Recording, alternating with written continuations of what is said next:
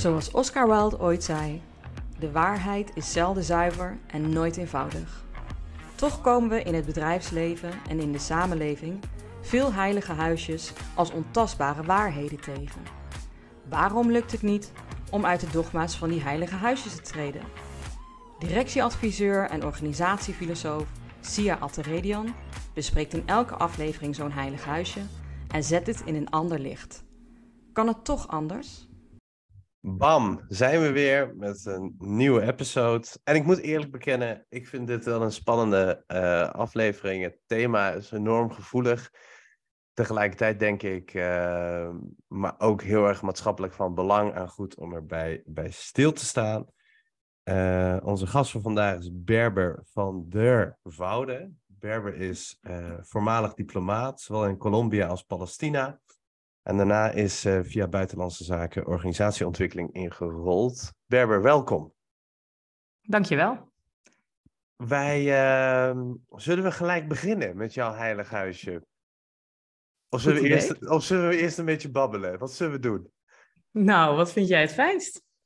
Uh, nou ja, het is, het is zo'n spannende thema dat ik zeg van let's get it over with. Normaal doe ik een beetje aan het begin babbelen, maar ik vind jouw heilig huisje wel eentje om gelijk mee, uh, mee te starten. En uh, je mag hem zo zelf toelichten, uitleggen. Ik noem hem alleen maar en de context, uh, die mag jij benoemen. Um, waar twee vechten, hebben er twee schuld. Dat is jouw heilig huisje. Leg uit. Ja, nou... Ja, het is een beetje een uh, gelaagd uh, heilig huisje. Um, ja. De hele situatie uh, van Israël-Palestina wordt vaak in, in de media en in het publieke debat benaderd vanuit het idee dat het een conflict is hè, tussen twee partijen. En vaak wordt er ook gesuggereerd dat het twee min of meer gelijke partijen zijn. Ja. Maar ja, dat is natuurlijk er zitten natuurlijk elementen van conflict in, hè, geweld en, uh, en, en, en cycli van geweld en zo. Maar um, het is eigenlijk verkeerd om het een conflict te noemen. Het is een militaire bezetting. Dus dat is ook de eerste laag van mijn heilige huisje. Um, de schuld, of nou, dat is een beetje een, een, een moeilijk woord, maar de verantwoordelijkheid voor het, uh, ja, voor het beëindigen van deze situatie. Uh, die ligt grotendeels bij één van de twee kanten uh, van, van het nou, conflict of van, van de, van de, van, van de, de, twee partijen eigenlijk. Ja. ja, dus dat is de eerste laag. Um, maar wat ik ook heel interessant vind is de schuldvraag of de verantwoordelijkheidsvraag uh, hè, ligt eigenlijk ook veel breder dan alleen bij die twee partijen waar dan een conflict, waar dan die in gevecht met elkaar zouden zijn, omdat er een heel hele dynamiek is van internationale uh, spelers, waaronder natuurlijk ook uh, de Europese Unie en Nederland daarbij, um, die ook een rol spelen in het laten voortduren van deze situatie. Dus eigenlijk hebben er meer dan twee in die zin verantwoordelijkheid. Ja. En waar ik dan zelf door mijn, dat is dan de derde laag waar ik over na heb gedacht, van, waar ik zelf heel erg mee heb geworsteld, is wat is nou eigenlijk de schuld of de verantwoordelijkheid van de individuele mensen die betrokken zijn bij deze situatie, als ambtenaar, als diplomaat, hè, wat ik zelf was, mm -hmm. hebben, ligt daar ook een deel van de verantwoordelijkheid of schuld dan in die zin. Dus dat zijn eigenlijk de, de drie lagen van dit, van dit heilige huisje wat ik met jou wilde bespreken vandaag. Leuk, leuk. Ik ga eerst beroep doen op een andere drieluik. De logos, mm -hmm. pathos, ethos van Aristoteles en voornamelijk de ethos, ethos vraagt altijd aan een spreker, wat is jouw recht van spreken? Dus waar, waarom, hè? ik weet dat natuurlijk, hè? Ik, eh, we hebben elkaar gesproken en uh, ik heb jou natuurlijk ook gevraagd als gast. Ergens ja. is er ook een artikel van jou in, het, in de NRC, hè? Je zegt dan, of de titel luidt, zeg dan, dubbele punt, de relatie met Israël gaat boven mensenrechten. Maar even, even voor de luisteraar, wat is jouw recht van spreken? Wat is hier de ethos? Wat, wat heb je gedaan, wat heb je gezien dat jij hier nu over dit verhaal mag vertellen? Ja, uh, nou, ik heb uh, mijn, uh, mijn ik, ik ben diplomaat geweest, hè, zoals je al in de inleiding zei. Ik heb ge vooral gewerkt in of aan conflict, conflict situaties. Voordat ik naar Colombia ging, heb ik ook veel in, met, ja, aan conflicten gewerkt in, in Centraal-Afrika, Burundi, Congo. ik, ik heb ook in mijn studie politicologie heb ik mij wel gespecialiseerd in de internationale betrekkingen slash conflicthoek. Um, en uh, met, die, met die verwachting ging ik dus uh, uiteindelijk uh, in 2019 ook als diplomaat aan de slag in Ramallah, hè, de Palestijnse gebieden. Met, met welke en, verwachting? Nou, dat ik ging werken aan conflictdiplomatie eigenlijk. Ja. Ja. Uh, en ja, natuurlijk kende ik de situatie wel en wist ik ook dat het niet een, een eenvoudige, of nou, nee, geen enkel conflict is eenvoudig. Dus daarmee doe je, het, doe, je het, doe je de situatie geen recht. Maar ik had me niet gerealiseerd dat, het, dat de situatie zo zou, zo zou liggen dat er een volledig disconnect is tussen de realiteit die je ter plekke ziet en de realiteit die we gebruiken als basis voor, onze beleids, uh, voor ons beleid en voor onze interventies of gebrek mm -hmm. daaraan. Um, Eigenlijk dus zeg je, er was een mismatch tussen de situatie die jij daar aantrof en het werk wat jullie deden of van jullie verwacht werd. Hè? Dus, dus op papier wordt er gevraagd van maak beleid om het conflict op te lossen. Maar in de, in de, in de werkelijkheid op straat als het ware tref je een situatie die onoplosbaar is, vraagteken? Nee, wat ik meer bedoel is, uh, het beleid is bijvoorbeeld uh, hè, ondersteun. Ik werkte natuurlijk niet in Tel Aviv uh, aan de Israëlische kant, maar ik werkte in Ramallah, dus aan de kant van de Palestijnse autoriteit. Hè, voor zover je dan aan een kant werkt. Maar goed, dat was de plek waar ik werkte. Dus ik kwam ook vooral in contact met Palestijnse instituties en Palestijnse organisaties. Um, de, de, het beleid, het Nederlandse beleid op Israël-Palestina is dat er een twee-staten-oplossing moet komen. Nou, de, de, Israëlische staat die is er natuurlijk al, hè, maar de Palestijnse staat die moet eigenlijk zichzelf, zijn staat, eh, statelijkheid verdienen door, uh, ja, door aan bepaalde eisen te voldoen, door uh, verkiezingen, door het ontwikkelen van bepaalde instituties, rechtsgang, et cetera. En um, dat was dus ook mijn, uh, mijn taak. Daar moest ik aan werken. We hadden een uh, ja, vanuit ontwikkelingssamenwerkingsfondsen, uh, grote programma's om de Palestijnen te helpen eigenlijk een staat te ontwikkelen. Maar aan de andere kant zie je dat er allerlei bedreigingen zijn, nou, bedreigingen, allerlei dingen zijn die het worden van een staat voor de Palestijnen echt in de weg staan zoals het de uitbreiding van de nederzettingen, uh, het, uh, het uit elkaar spelen van de Palestijnse bevolking door allerlei verschillende soorten identiteitsbewijzen en zo, nou ja, allerlei administratieve barrières. Um, die, die dus zover ik weet best heftig zijn, hè? Dus als je water ja. wilt halen of boodschappen wilt doen, moet je door zes poorten, uren in de rij en je wordt best hard aangepakt. Of, of zeg ik dat nu verkeerd? Nou, het hangt heel erg vanaf waar je woont. Hè? Ja. Dus je hebt verschillende soorten uh, Palestijnen. Ja, dat klinkt heel, heel lelijk, maar verschillende soort, soorten status. Uh, je hebt Palestijnen die in uh, Israël binnen de grens van 1948 wonen. En die hebben dan ook de, de Israëlische nationaliteit. die kunnen zich vrij bewegen in Israël en daarbuiten. Er is wel sprake van marginalisatie en discriminatie van Palestijnse communities. Dus je hebt wel gewoon bijvoorbeeld uh, als, je door, als je door Israël rijdt, dan zie je dat ook heel goed. Hè? Sommige dorpen of steden, dat zijn Palestijnse steden. Nou, die zijn minder goed ontsloten. Er is geen afslag op de snelweg, bijvoorbeeld dat soort dingen. Mm-hmm. Het is ook algemeen bekend dat er minder Israëlisch uh, uh, geld, be belastinggeld, wordt gespendeerd in die Palestijnse gemeenschappen. Dus het onderwijs is van lager niveau. Uh, de voorzieningen zijn slechter. Uh, nou ja, gewoon dat soort dingen. Mm-hmm. Um, en dan heb je de Palestijnen die wonen op de westelijke Jordaanoever. Uh, nou, die hebben. nou, eigenlijk zit daartussen nog de Palestijnen die in Jeruzalem wonen. Want in Oost-Jeruzalem. Dat, dat is volgens, internationale, volgens internationaal recht is dat bezet uh, uh, Palestijns gebied. Israël mm -hmm. heeft het geannexeerd. Dus Israël mm -hmm. beschouwt Oost-Jeruzalem als een onderdeel van Jeruzalem en dus van Israël. Dus mensen die daar wonen, die hebben eigenlijk een uh, verblijfsvergunning. waarbij ze, waarop, op, op, daar kunnen ze redelijk vrij Israël in en reizen en over de westelijke Jordaan ook reizen. Uh, het probleem is alleen wel dat zij moeten, blijvend moeten aantonen dat zij verbinding hebben met Jeruzalem. Dus zij moeten volgens mij elk jaar aantonen dat ze er nog wonen. Of, uh, want anders verliezen ze die, uh, die permit.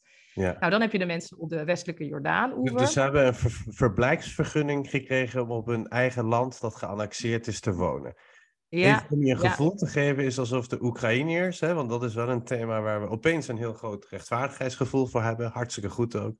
Alsof de Oekraïners op de Krim een verblijfsvergunning aan de Russen moeten aanvragen en ook uh, uh, jaarlijks naar Moskou moeten om, dat, uh, om daar een stempel voor te krijgen. Ja, dat, ik zit even goed na, na te denken of, of, of dat... Ja, ik denk wel dat dat een, dat dat een goede vergelijking is, inderdaad. Ja, ja ik luister puur naar jouw verhaal en maak dan ja. met logica een vergelijking. Ja. Hè? Dus even, ik vind het ook wel prettig, want het maakt het voor de luisteraar wat levendiger. Als je het over die, over, die verschillende burgerschappen hebt. Ja, absoluut. Want je zei ook van ze worden uit elkaar gedreven en de Palestijnse identiteit wordt ook bedreigd. Daarom vind ik het wel belangrijk dat je dit goed uitlegt. Nou, eh, dat was, ja, was de tweede categorie. Die waren geannexeerd en mochten een vergunning hebben of hadden een vergunning nodig om op eigen land te wonen. Ja, ja. En dan derde heb je dus categorie? De mensen die op de westelijke Jordaanoever wonen. Uh, en eh, ja, dat is ook weer heel ingewikkeld, want de westelijke Jordaanoever, uh, dus buiten Jeruzalem, is ook weer ingedeeld in verschillende zones. Dus dat is ook weer administratieve barrières natuurlijk. Um, maar de mensen die op de westelijke Jordaanoever wonen, hebben in principe, moeten ze zelfs om naar Jeruzalem te reizen, omdat Israël dat beschouwt als Israëlisch gebied, hebben zij een, uh, een uh, vergunning nodig. Dus moeten ze een permit aanvragen om zich vrij te bewegen op de westelijke Jordaan tussen de verschillende zones. Want die wordt, die wordt eigenlijk ook fysiek uit elkaar gesneden door de nederzettingen die daar zijn gegroeid. Uh, dus, dus dan heb je die mensen, die kunnen Israël niet in en Jeruzalem niet in zonder verblijfsvergunning. En die moeten bijvoorbeeld ook als zij willen reizen naar het buitenland, want heel veel Palestijnen hebben wel uh, bijvoorbeeld familie in, uh, hè, de, de, in de, de rest van de wereld wonen, die moeten dus dan eigenlijk ook altijd via, uh, via Amman. Dus die moeten via Jericho moeten ze de Palestijnse gebieden verlaten. De buitengrens wordt bewaakt door Israël, dus daar moeten ze wel de grens over en dan, dan vliegen ze via Amman naar de rest van de wereld. En zeg je daarmee als Palestijnen vakantie willen, of als Palestijnen uit Palestina willen, om welke reden dan ook, hebben ze toestemming van de Israëliërs nodig? Eigenlijk wel. Ja. En uh, je hebt soms echt hele bijzondere situaties. Bijvoorbeeld een, uh, een eh, vriendin van mij in, uh, in Jeruzalem, die vertelde dat haar zusje getrouwd was met een man uit Nablus. Dus zij had een Jeruzalem citizenship en hij had een Palestijns paspoort. En ze gingen dus op, ze wilden op huwelijksreis naar Mexico. En zij mocht in theorie via Tel Aviv vliegen, rechtstreeks, of, nou, rechtstreeks of in ieder geval met één, of, één stopover of zo. En hij moest via Amman eigenlijk.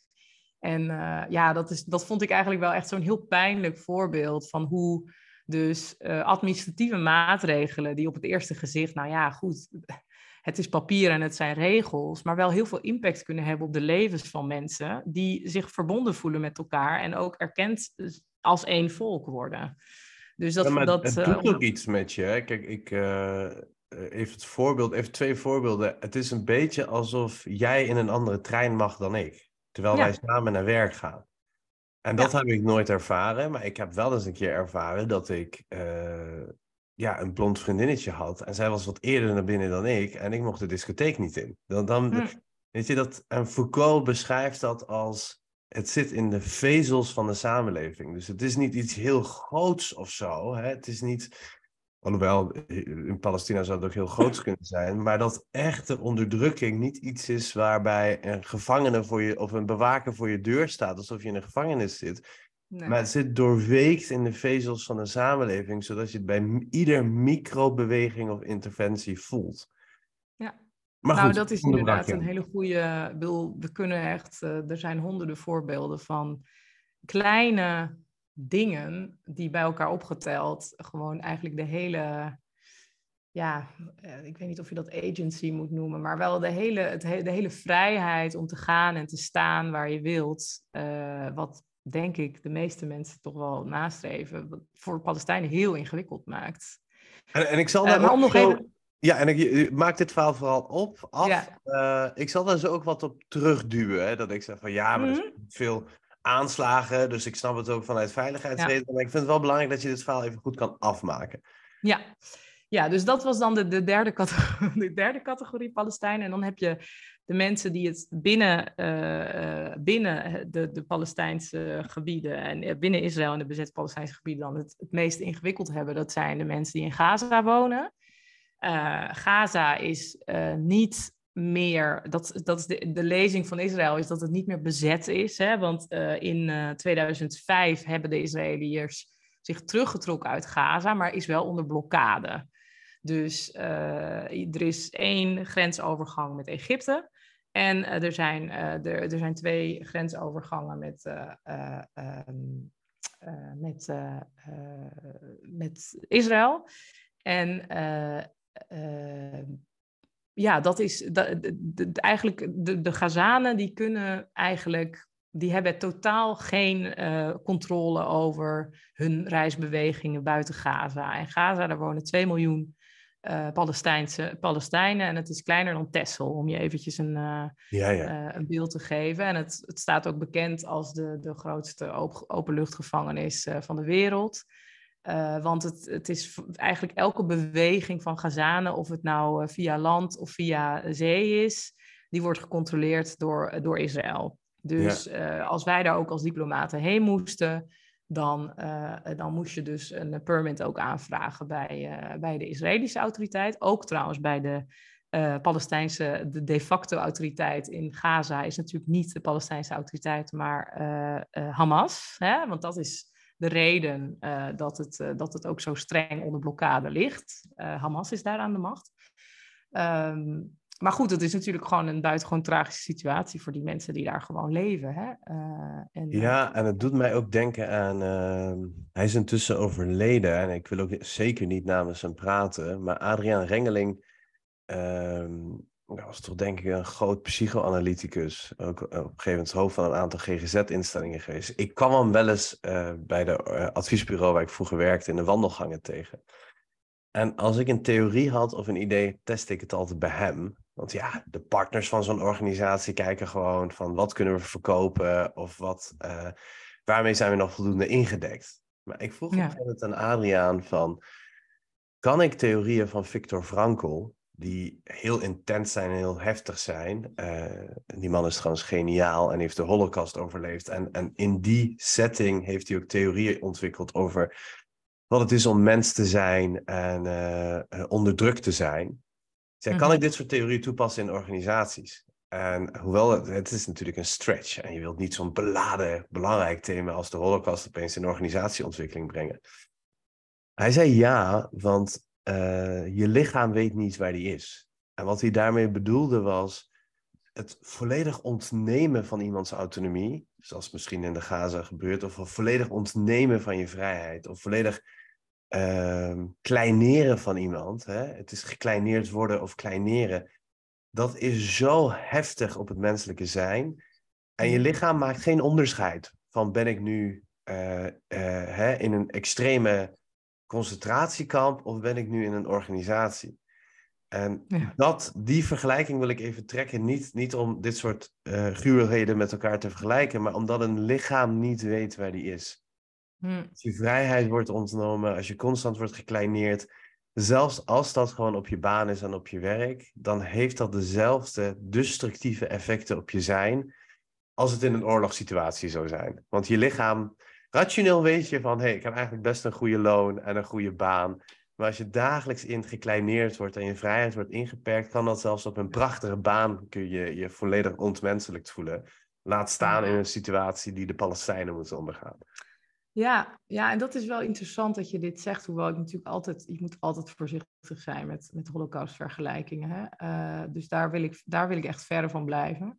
Maar um, wat ik heel interessant vind, is het verschil tussen. Kijk, wat je dus het verschil hebt tussen mensen die uh, in, op de westelijke Jordaan-oever leven, Palestijnen, uh, en de mensen die in Gaza leven.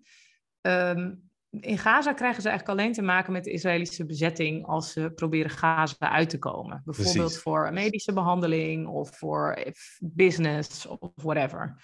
Ehm, maar Palestijnen op de westelijke Jordaanoever komen natuurlijk bijna dagelijks in aanraking met de Israëlische bezetting, omdat zij gewoon die checkpoints door moeten reizen over de westelijke Jordaanoever. Dus er is een verschil in atmosfeer. Als je eenmaal binnen in Gaza bent, dan voelt het bijna ik bedoel, je ziet, je ziet natuurlijk echt heel veel de ellende en het trauma van, hè, want ze worden jaarlijks kapot gebombardeerd en er komen echt heel veel mensen om. En er is natuurlijk ook nog eens die vreselijke politieke repressie vanuit hun eigen autoriteit, hè, vanuit Hamas. Dus het is echt geen fijne plek om te zijn. Maar uh, je voelt een andere. Uh, je voelt meer verbondenheid of zo yeah. onderling tussen de mensen. Ze hebben nog hun basis, ook al hebben ze niks, ze hebben nog hun basisvrijheid. Ja, en ze komen elkaar op straat tegen. En er is, is misschien toch net iets uh, meer community dan, uh, dan in de, de westelijke Jordaan, waar ze zo ontzettend uit elkaar gespeeld zijn. En uh, ja, de hele tijd geconfronteerd worden met die agressie van, hè, die passieve agressie misschien vaak wel, van, van die bezetting. Terwijl je dus theoretisch zou zeggen dat Gaza de slechtere plek is, maar je merkt wel dat die, hè, die menselijke verbondenheid en die community building lukt daar wel. En dat was ook precies ja. het punt hoor.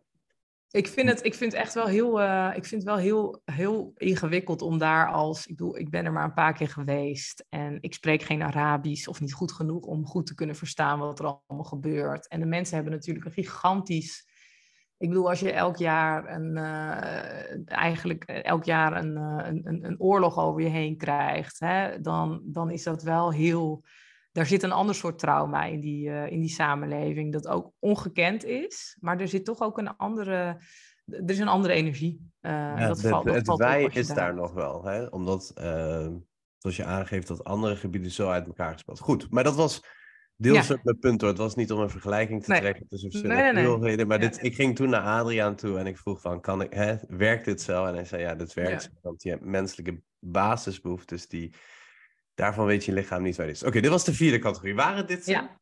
Nou, dan is er nog één categorie en dat zijn de Palestijnen in diaspora. Uh, um, en die valt dan ook weer uiteen uh, in mensen die in de vluchtelingenkampen in de regio zitten. Hè? En vluchtelingenkampen moet je je niet voorstellen uh, dat dat tentjes zijn en zo. Heel vaak is het, zijn het wel een soort van dorpen, gemeenschappen in Libanon en in Jordanië. Uh, dus daar wonen heel veel Palestijnen ook nog. En dan heb je natuurlijk ook nog de Palestijnen die in de Verenigde Staten wonen of in Europa. En uh, dus eigenlijk is het een, uh, een heel groot volk dat helemaal over de wereld verspreid is. en waar enorm veel, um, ja, waar enorm veel eigenlijk barrières zijn opgeworpen om zich als volk te kunnen gedragen. Ja, mooi. Bijvoorbeeld mensen die, uh, die, de, die in 48 uh, of in 47, 48 uh, Israël zijn ontvlucht. Hè? Toen de staat Israël werd ge gesticht, die bijvoorbeeld in Jaffa woonde. Hè, dat is een, nu een wijk bij Tel, in Tel Aviv, het, het mooie oude centrum van Tel Aviv. Die zijn naar hun huis uitgegaan en die nu bijvoorbeeld wonen in, um, ja, in, in, in Frankrijk of zo. Die mogen niet uh, hun oude huis bezoeken. Die krijgen geen toestemming om Israël in te gaan. Uh, de, dus zo moet je een beetje. Voor hen is het ontzettend pijnlijk dat als, als ik zou erachter zou komen dat ik een Joodse grootvader of moeder zou hebben, dan zou ik ongeveer, dan zou ik gewoon aanspraak kunnen maken op de Israëlische nationaliteit en zou kunnen gaan en staan waar ik wil in, uh, in Israël. Uh, en zij hebben die band met dat land. Uh, en, zij mogen en, niet naar huis. En zij mogen gewoon niet naar huis. En dat is de ja. pijn die nog altijd in. ja, en die daar ook niet uit zal gaan, want er is geen oplossing voor, die, voor, die, voor dat issue. Ja. ja. dus ik vroeg jou eerst, hè, wat, is, wat is jouw recht van spreken? Ja. Dat heb je nu, nu uitgelegd, diplomaat en ook volgens mij een paar jaar in Palestina gewerkt. Vervolgens hebben we het gehad over dat ja, de Palestijn is niet zeg maar een, een homogeen, een uh, homogeen homodeus als het ware. Hè? Dus dat, is, ja. dat zijn vijf verschillende categorieën. Uh, en, dat, en dan heb je nog maar de administratieve categorieën, want je hebt dan ook nog christenen en moslims. En nou ja, goed, eh, je hebt een hele verscheidenheid nee, ook nog. Goed dat, je dat, ja. goed dat je dat toevoegt, want in, ja. ja. de werkelijkheid is natuurlijk veel complexer dan de administratieve. Maar je gaf aan dat Kijk, door dat administratieve is het ook heel moeilijk, was het heel moeilijk voor jullie om je werk te doen, omdat het, eh, het werd voorkomen dat het één volk zou zijn En zij moeten juist nog hun staatsrechtelijkheid creëren. En dit punt maakt hij ook in lijn van: het is geen gelijkwaardig conflict. Het is eigenlijk geen conflict, het is bezetting.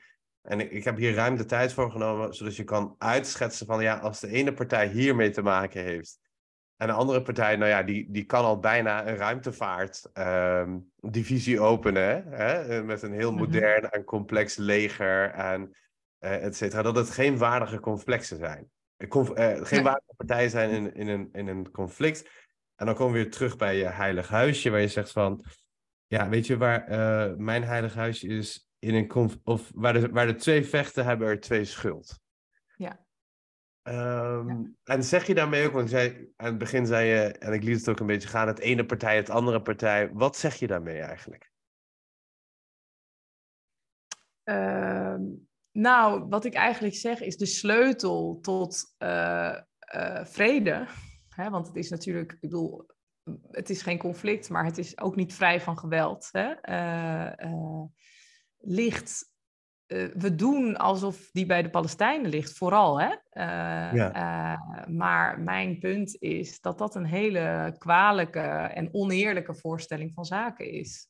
De sleutel, wat mij betreft, tot, een, tot, tot stabiliteit en vrede en nou ja, ligt in de gelijke rechten voor iedereen die in die regio woont ligt niet in, in een staat of in. Laat dat, laat dat gewoon los. De Palestijnen kunnen bijna geen staat meer bouwen, want. Uh, hè, uh, een andere karaktereigenschap of een andere eigenschap van een staat is natuurlijk dat er een soort van aaneen, min of meer aaneengesloten territorium is. Nou, kijk maar naar de kaart uh, van de westelijke Jordaanoever en zie hoe ontzettend veel nederzettingen er zijn gebouwd. En even voor de context, een nederzetting is niet alleen een. Uh, het klinkt een beetje als een soort van uh, ja, kampementje of zo, maar nederzettingen zijn gewoon volwaardige steden met alle voorzieningen, toegangswegen er naartoe, die dan ook uitsluitend voor de bewoners van de nederzetting of mensen met Israëlische papieren zijn. Dus zodra er een nederzetting groeit ergens, gaat er vaak ook een weg naartoe waar Palestijnen dan dus geen gebruik meer van mogen maken, tenzij ze ontheffing hebben.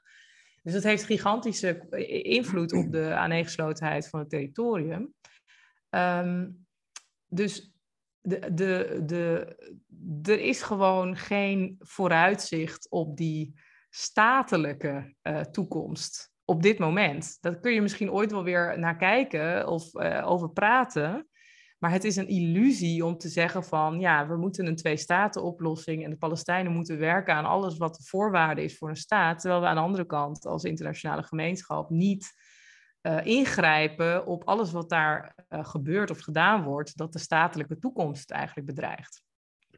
En als ik zo, en dit is even mijn interpretatie, dus correct me mhm. if I'm wrong. Als ik zo naar je luister, en ik heb echt net goed proberen te luisteren, zeg je ook eigenlijk van, het gaat eigenlijk om mensen die daaraan onder doorgaan. En hou op met dat cosmetische of theoretische staatsrechtelijkheid. Hè? Als het over rechtspersonen gaat. Hè? Als jullie ook een BV kunnen oprichten, dan kunnen we het hebben over de fusie. Ik zeg maar wat. Terwijl je ja, er gaan er dagelijks mensen aan en onderdoor. Help die mensen. Hmm. Ja, uh, dat, dat is inderdaad. Het is geen. Het is geen, het is geen uh, als je het vanuit de veiligheidslens bekijkt, dan lijkt het een conflict situatie waar een politieke oplossing voor moet komen. Maar het is een rechtenvraagstuk, inderdaad. En uh, nou ja... Dus bedoel je dan mensenrechtenvraagstukken ook? Een mensenrechtenvraagstuk, uh, ja, absoluut. Uh, kijk, als jij vindt dat mensen gelijkwaardig zijn en het recht hebben op een gelijkwaardig bestaan in een bepaald gebied, dan, ja, dan is dit zeer problematisch. want uh, nou ja, dat, dat, is, dat is ook een klein beetje de discussie waar we gelukkig nu steeds meer. Uh, het wordt steeds geaccepteerder om dit gewoon te zeggen zonder te blozen en zonder je, zonder je te, zelf te censureren. Maar er is al een tijdje de discussie gaande van is er sprake van een apartheidsregime? Ja, ja. Uh, er zijn heel veel vrij vooraanstaande uh, mensenrechtenorganisaties en academici die zeggen ja, dit is apartheid. Hè? Er is een er, is een, er is een definitie van apartheid die is omschreven in het statuut van Rome. Hè? Dus het statuut dat, de, uh, dat, de, dat het internationaal strafhof regelt, dat in Nederland staat en waar wij ook partij bij zijn en heel veel andere landen ook. En die vertelt eigenlijk wat apartheid is. En als je gaat kijken naar de, naar, naar de situatie in als je gaat kijken naar Israël en, en, de bezette Palestijnse gebieden als één gebied, hè, want het zijn geen twee staten, het is, een, eh, een, eh, het is een, een staat en een gebied dat daarbij hoort de facto, omdat het bezet wordt gehouden door, uh, door, de, door de Israëliërs. Dan is er zo'n ontzettende gedifferentieerde benadering eigenlijk tussen de. Uh, tussen, hè, het, het is heel anders om te, een Palestijn te zijn in dat gebied dan om Zeker. een Israëliër te zijn in dat gebied. Zeker. En, en als je bijvoorbeeld naar de westelijke Jordaan kijkt en naar de rechten die um, kolonisten hebben. Hè? Dus illegale, illegale nederzettingen, daar wonen Joodse uh, Israëliërs.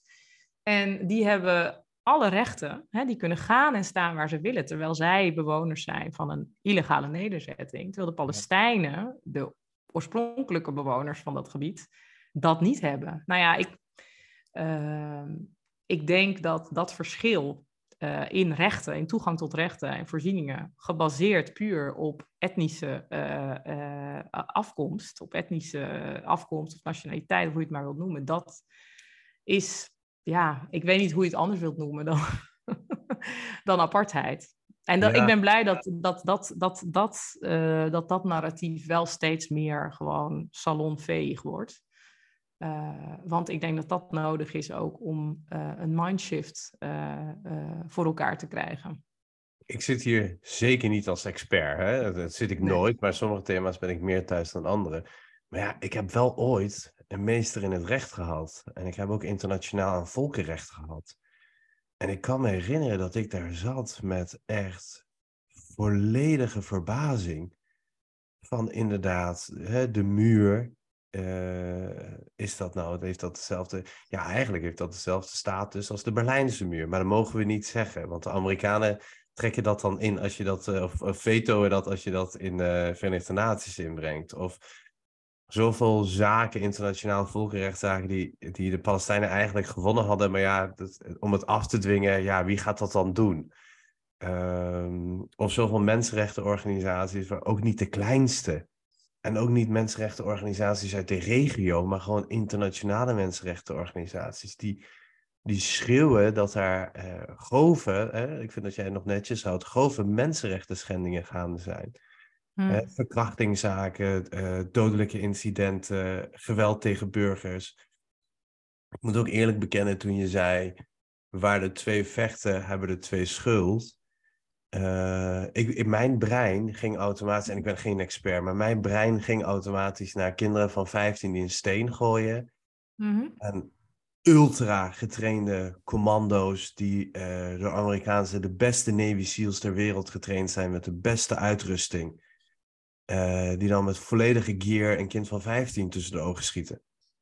Dus mm. dat is mijn beeld van waar de twee vechten hebben, de twee schulden. Denk ik van ja, ik kan nu ook, hè, ik, ik, hier, hier kun je niet zien, maar hier tegenover is een speeltuin.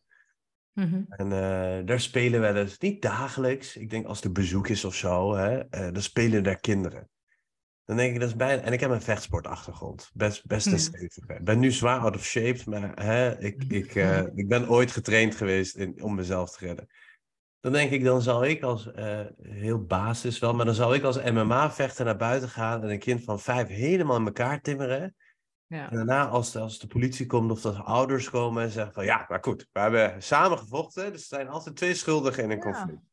Dat gevoel heb ik er heel erg bij. Dan denk ik van. En ik zeg niet, hè, ik, ik wil niet goed praten dat, uh, dat er aanslagen zijn of, of dat er. Uh, daar moeten we het ook even over hebben. Ik vind het heel moeilijk om mhm. het thema terug te duwen, maar ik ga het toch doen. Dat is mijn verantwoordelijkheid hier als host. Uh, maar ik denk, ja, kijk er ook naar vanuit welke uh, verhoudingen dat conflict gaande is. Ja, Jij ja dat hele, het hele, de hele vraag van proportionaliteit heb je het dan over. Hè? Van, ja. uh, hoe, uh, is, er gelijk, ja, is er gelijke zijn het gelijke krachten? Nou, nee, absoluut niet. Kijk, je, er zijn natuurlijk uh, er zijn wapens uh, in, uh, en er zijn, er zijn groepen die, die geweld gebruiken hè, in de, onder de Palestijnen. Maar dat, dat, vind, dat heeft mij ook heel erg gestoord. Het, het, het, het gebrek aan nadenken over de vraag of van het recht op verzet ook. Hè? Als jij on, onderworpen wordt aan een gewelddadige militaire bezetting hoe redelijk is het om te verwachten dat je je dan alleen met vreedzame middelen zult verzetten daartegen? Ja. Um, en nou ja, ik denk dat wij allebei het antwoord daar wel op, op die vraag hebben. Maar het is echt gewoon. Nou ja, Nelson, Nelson Mandela werd gezien als een vrijheidsvechter. Dus mhm. het maakt ook uit waar je bent en door wie de geschiedenis wordt geïnterpreteerd. Dat, dat is ehm. het. Dat is het. Nou ja, ik bedoel, we hoeven zelf ook maar naar de Nederlandse geschiedenis te kijken. Ik bedoel, hoe uh, hoe, hoe, hoe, hoe uh, verzetstrijders, die niet alleen maar vreedzame middelen gebruikten, toch wel nu vereerd worden. Denk ik van ja, dat, dat is in een enorme. Dat, er is een enorme discrepantie tussen de keiharde veroordeling die gewapend verzet in de Palestijnse gebieden, waar, de, waar, die, waar die op kan rekenen. Um, Dubbele standaarden wil ik het zo met je over hebben, want ik vind dat dat echt uh, specifiek ook aandacht verdient. Tegelijkertijd wil ik nu wel even terugduwen op. Uh, kijk, Palestina is nu zo uitgespeeld dat ze bijna niks meer kunnen. Maar er waren ook periodes waar er dusdanig gewelddadig burgerslachtoffers werden gemaakt. Mm eh, volgens mij is het Munich als ik het zeg, dus ik zeg even internationaal. Internationaal, ja. dusdanig burgerslachtoffers werden gemaakt, ook aan de Israëlische kant. Mm vooral aan de Israëlische kant, uh, waarbij je, hè, waarbij dat hele narratief van Israël is geweest van we hebben het recht om onszelf te verdedigen. Ja, um, zeker. Ik weet, ik weet ook dat ze een Amerikaans marketingbureau hebben ingehuurd om erachter te komen van waar zijn de Amerikanen en de Westerse vooral gevoelig voor. Uh, en dat is dit narratief. Dit is niet het narratief van dit is ons beloofde land, maar het is het narratief, hebben ons het recht om onszelf te verdedigen. Uh, en dat hebben ze goed uitgespeeld. En dat doen ze ook heel modern, intellectueel en marketingtechnisch. Maar het is wel gebaseerd op het verhaal dat ze zichzelf, hè, op het echte, nou ja, zeg je even, het ontologische gevaar van we moeten onszelf verdedigen. Dus die mhm. checkpoints zijn natuurlijk ook gebouwd om ervoor te komen dat de Palestijnse dreiging of terrorist of vrij kan reizen. En dat, dat conflict heerst daar natuurlijk ook. Ook al zijn de Palestijnen op dit moment redelijk uitgespeeld. Ook al zie je nu op dit moment dat, dat commando's, eh, vrouwen van 50, eh, met een knuppel in de arm slaan en in vieren breken. Er is nog steeds, maar is ook een fundamentele dreiging geweest vanuit de Palestijnse militante groepen op Israëlische burgers. En niet alleen op Israëlische uh, militairen. Ja. Uh, ja, dat klopt. en uh, het is ook in het belang van, dat is zeker ook zo. Hè? Maar als je nu gaat kijken wat er op dit moment aan de hand is. Je beeld is trouwens heel even bevroren, dus ik hoop dat je me nog hoort. Ik hoor je heel goed. Oké, super. Uh, kijk, op dit moment vallen veruit de meeste slachtoffers aan Palestijnse kant. Hè? En is de, uh, het aantal, de gebeuren bij, de, ja, Palestijnen plegen nauwelijks, er zijn bijna geen aanslagen meer van Palestijnse groeperingen buiten, uh, buiten, buiten Israël en de Palestijnse bezette gebieden. En uh, en en die, die, die ongelijke strijd is heel erg, uh, heel erg, bijvoorbeeld heel erg voelbaar en merkbaar in.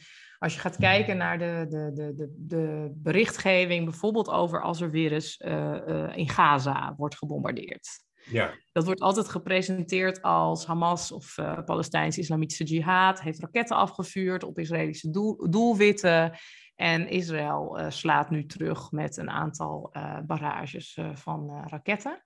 Um, wat er nooit bij wordt gezegd, of heel zelden, is dat Israël een dusdanig geavanceerd raketafweergeschut heeft. Hè? Dat heet de Iron Dome, hè? De, een soort van koepel eigenlijk, van, van, ja, een soort van beschermkoepel eigenlijk over Israël heen. Dat er zelden een van die raketten nog doel raakt. Dus dat is ook een verschil in proportionaliteit. Kijk, je kunt wel zeggen, ze schieten heel veel raketten op ons af. Maar als die raketten geen kans meer hebben om te raken, of nauwelijks meer, dan ja, dat is niet in het belang van, de Israëlische, van het Israëlische narratief om dat te zeggen natuurlijk. En, dan zou je kunnen niet... zeggen, ze hebben het gewoon heel goed gedaan. Ze hebben het zeker heel goed gedaan, ja, absoluut. Ik bedoel, en ik, en ik, zou, ik zou mijn mensen ook beschermen tegen dat soort, uh, dat soort raketten. Hè? Ik bedoel, en ze zitten nog wel in de schuilkelders, want er is altijd een kans dat het, uh, dat het wel raak is.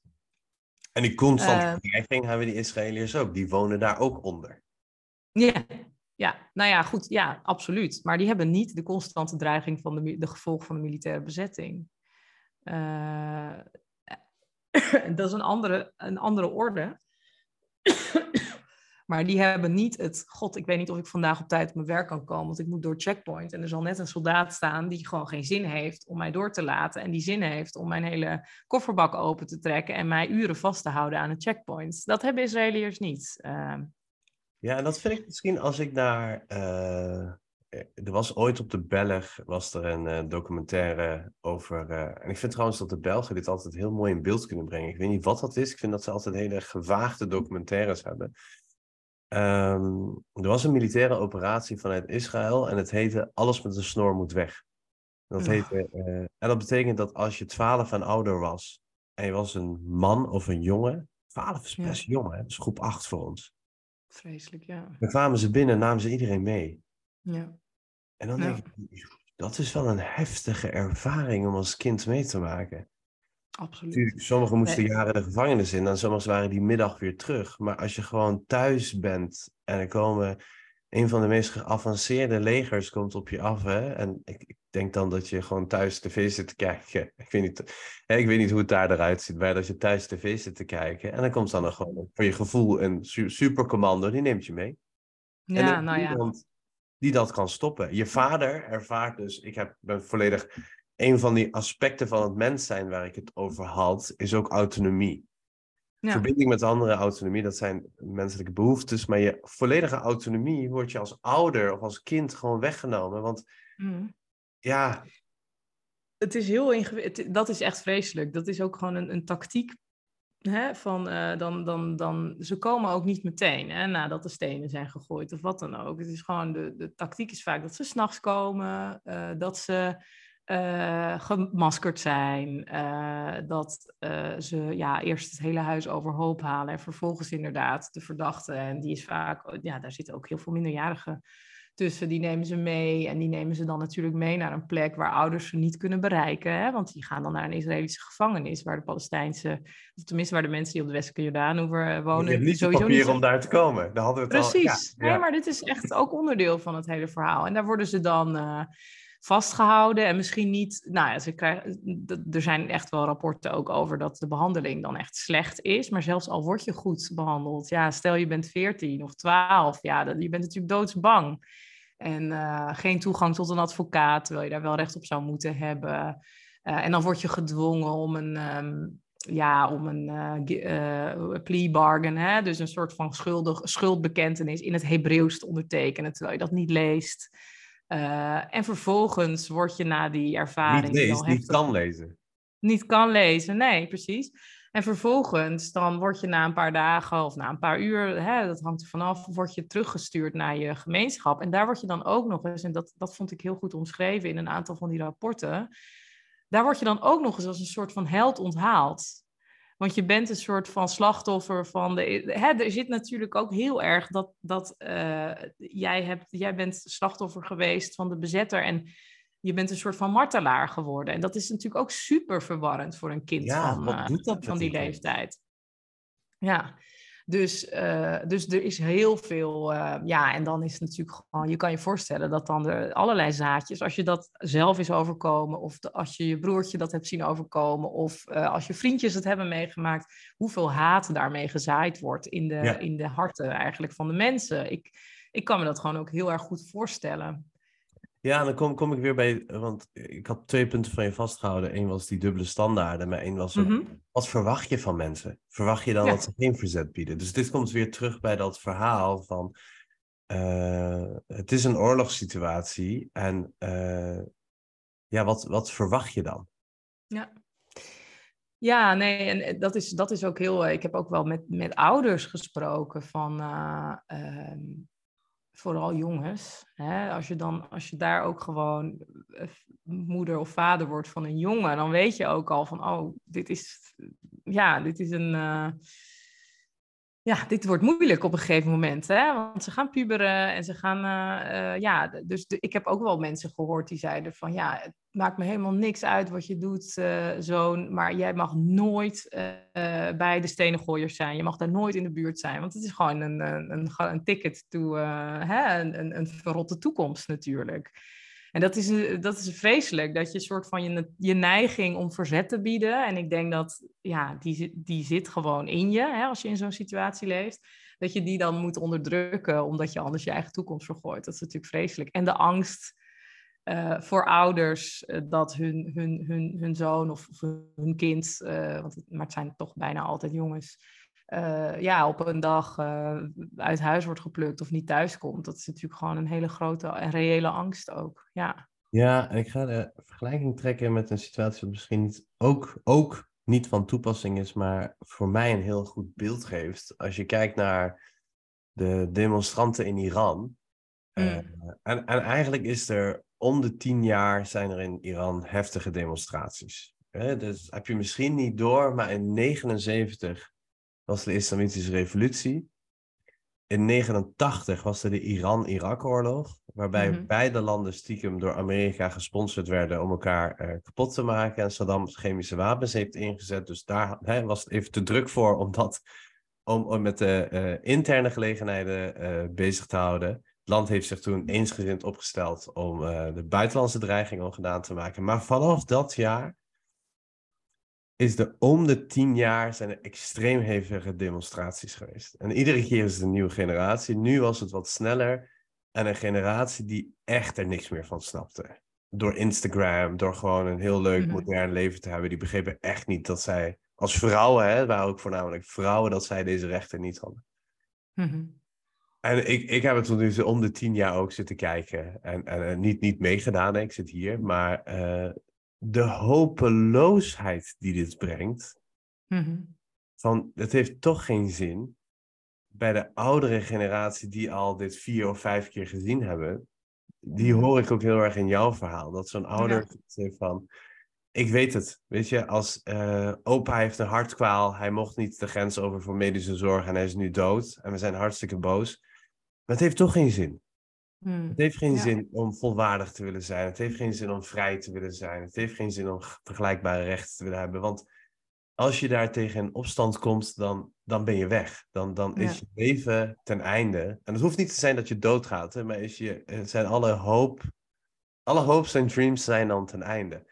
Hmm. En dat zie ik ook bij de Iraanse ouders. Die hebben, eh, die hebben tegen de, kind, de, de kinderen, de nieuwe generatie, dat kan niet. Weet je, ik ben een vrouw, ik wil ook gewoon een ik wil ook gewoon een jongen op straat kunnen kussen. Ik wil ook gewoon dansen. Ik wil ook gewoon kleden zoals ik wil. Gewoon de meest basale dingen die voor ons normaal zijn. En die ouders zijn het daar 3000% mee eens. En die hebben zoiets van: ja, maar als je dit gaat uiten, dan heb je geen leven en geen toekomst meer. Mm. Ja. En dat is dan een damned if you do, damned if you don't. Absoluut. Ja. Want als je het niet doet, hè, om toch weer even die filosofische laag, als je het niet doet, raak je fundamenteel vervreemd van wie je bent. Mm. Absoluut. Je bent, een vrij autonoom mens en je hebt gewoon, je bent, Heidegger noemt het een kunnen zijn, meer zijn dan je nu bent. Je wilt altijd meer. Hmm. Uh, en dat bedoel ik niet een oneindig uh, welvaart of zo, maar gewoon, ik wil, een, ik wil een boek kunnen lezen. En als je een boek gelezen hebt, ik wil misschien een boek kunnen schrijven en ik wil er nu over kunnen vertellen. En nou ja, dat, dat, het stukje van je zijn, iets meer zijn dan de vrijheid die je nu gegeven zijn, het zit gewoon in je zijn. En als je dat onderdrukt, raak je fundamenteel vervreemd van jezelf. Ja. Als je het, hè, dus als je daaraan toegeeft en, en daar niet in opstand komt, raak je fundamenteel vervreemd van jezelf. Maar ja, geef je er wel aan toe, dan raak je fundamenteel vervreemd van de samenleving, want dan maak je je kapot. Mm, absoluut, nee. Dus je, wat je heel veel ziet is, en dat, dat vind ik het trieste. Ik had ook wel eh, veel, veel hè, ik had veel Palestijnse collega's ook en die hadden ook kinderen. En ja, wat je dan, het, het hele contra-intuïtieve eigenlijk, wat je dan hebt van, uh, het is een gigantisch, of tenminste, het is een enorme familiecultuur. Hè? Dus, uh, maar dat je dus ouders hebt die zeggen: ja, ik hoop dat mijn kind zo snel mogelijk naar het buitenland kan om te studeren. En ik hoop dat ze daar dan blijven. Uh, dat is natuurlijk echt iets wat je, ja, wat je, als, wat je als ouder met liefde voor je kinderen, je gunt ze gewoon een leven in vrijheid. En daarvoor ben je bereid dus gewoon eigenlijk het contact met je kind uh, dan maar ja, te laten gaan. Uh, En dat is, dat, vind ik, dat is zo pijnlijk. En het zijn, misschien maar, ja, het zijn misschien maar kleine voorbeelden, maar dat zijn de dingen die me toch wel het meest hebben geraakt. Die persoonlijke uh, afwegingen waarvan je denkt van... hé, hey, dit is eigenlijk gewoon niet meer bijna... Ja, mensen worden ontmenselijkt eigenlijk inderdaad. Ik ja. denk dat dat ook... Uh, kijk, voor sensatie, hè, of voor de podcast... dan had ik daar een trailer van gemaakt, op internet gezet hadden we het kunnen hebben over een casus waarin iemand wordt verkracht en daarna doodgeschoten. Ja. En de Israëlische rechter die, die vuist dat weg. Ja. Ik denk, ik denk dat dit soort microgeweld of micro-interventies, dat dat het meeste geweld aan doet. En niet Ja. dat het andere casus, niet dat dat oké is en niet om dat goed te praten. Maar Ja. als je dag in dag uit een stukje van je mens zijn wordt weggeknibbeld, als het ware. ja. En je mag er ook vanuit de internationaal gemeenschap niks over zeggen. Mhm. Ik denk dat dat het meest vervreemdt. Ik denk dat dat het meest geweld aan doet. Ja. Ik wil even naar jouw kopje van jou. eh, want op zich is dit geen staatsgeheim. Hè? Wij zijn niet. Dit is Mhm. allemaal publiekelijke, redelijk toegankelijke informatie. Ook dat Zeker, ja. apartheidsregime, de mensenrechten schendingen. Ik bedoel, Google het, het is er. Hè? De meest neutrale eh, intellectuele instanties, dat is even de term die ik ervoor heb, of, of mensenrechteninstanties of volkenrechteninstanties, die benoemen dit. Dus dit is, dit is geen publiek geheim. Tegelijkertijd zeggen we er niks van. Tegelijkertijd Mhm. zie ik jou blozen. Je weet, volgens mij weet jij heel goed dat internationale eh, rechten, eh, volkenrechten, eh, internationaal recht, volkenrecht, et cetera, mensenrechten, hoogleraren zeggen, dit is mensenrechten schending, dit is apartheidsregime. Maar toch zie, ik, zie ik jou ook blozen en ik doe ook gewoon maar mee als je dat term wilt gebruiken. Dus blijkbaar vinden we het heel moeilijk om het te benoemen en te zeggen. Ervaring. En het kopje Mhm. van het NRC-stuk gaat ook, zeg dan, dubbele punt, de relatie met Israël gaat boven mensenrechten. ja. Kun je daar iets over vertellen?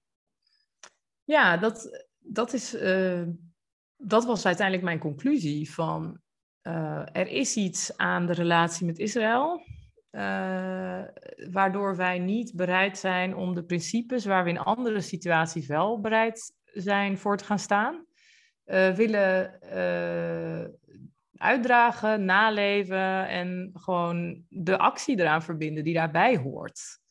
Ehm, en ik kan mijn vinger er niet goed achter leggen wat dan de relatie met Israël zo bijzonder maakt. Er zijn natuurlijk allemaal theorieën. Het heeft ook allemaal met elkaar te maken. Hè?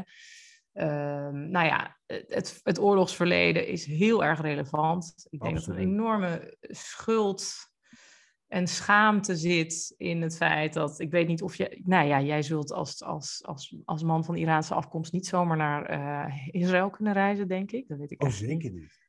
Nee. Zeker niet. Dus Nee. jij zult niet in Yad Vashem zijn geweest. Ik ben daar wel geweest, hè, het Holocaust Museum in, eh, in, eh, in Jeruzalem. En daar zie je dus op een gegeven moment zie je een rijtje met hoeveel Joodse mensen zijn gedeporteerd uit elk Europees land. En Nederland is gewoon in, eh, zowel in absolute als in relatieve aantallen daar echt gewoon topper. Dus in er is absolute aantal Ja, is het is- moeilijk om dat te bereiken. Ja, nou Nederland is, eh, heeft gewoon heel erg hard meegewerkt aan het, eh, ja, aan het uitwissen van de Joodse bevolking in Nederland. En ik denk dat daar een, eh, op een gegeven moment een hele grote realisatie kwam van hoe erg dat eigenlijk is. En er is een soort van één op één vertaling geweest, misschien wel in ons gevoel van, en dat betekent dus dat we nu altijd eh, voor eeuwig en altijd trouwe bondgenoot moeten zijn van Israël. Ik denk dat dat meespeelt. Hè? Want in onze hoofden hebben Israël en het Joodse volk een soort van fusie ondergaan. Eh, ehm, het Joodse volk, eh, Jo- de Joodse bevolking is natuurlijk veel groter dan alleen Israël. En er zijn heel veel Hoewel verschillen ook binnen de Joodse bevolking over hoe ze tegen Israël aankijken. Maar dat is een ander verhaal. Ik wil je, ik wil even een klein, klein beetje onderbreken, want ik vind dat wel een heel belangrijk punt. Eh, Ja. Je kijkt nu gesproken niet omdat je iets gek zei, maar Nee. ehm, ik merk, mijn nou, niet dat dat uitmaakt, want Heidegger is ook een van mijn lievelingsdenkers en dat is een nazi. Maar ik merk dat mijn eh, lievelingsdenkers, Anne Harent, Levinas, dat dat allemaal Joodse denkers zijn. Hm. Want ik wil echt de, nou, toch in mijn ogen, de terroristische staat Israël echt lostrekken van de Joodse bevolking. Ja. En eh, het, het Joodse leed, die ik echt afschuwelijk vind. Ik mag Israël niet in vanwege mijn paspoort, maar dat wil niet zeggen dat ik niet heel veel musea heb bezocht voor het Joodse leed. Ik noemde Viktor Frankl, eh, Joodse denker, Levinas, Joodse denker, Hannah Arendt, Joodse denker. Eh, en een volk wat ongelooflijk geleden heeft door de, door, de, door de historie heen. Alleen, dat staat voor mij een beetje los met het geweld dat het Israëlische staat Ja. andere burgers weer aandoet.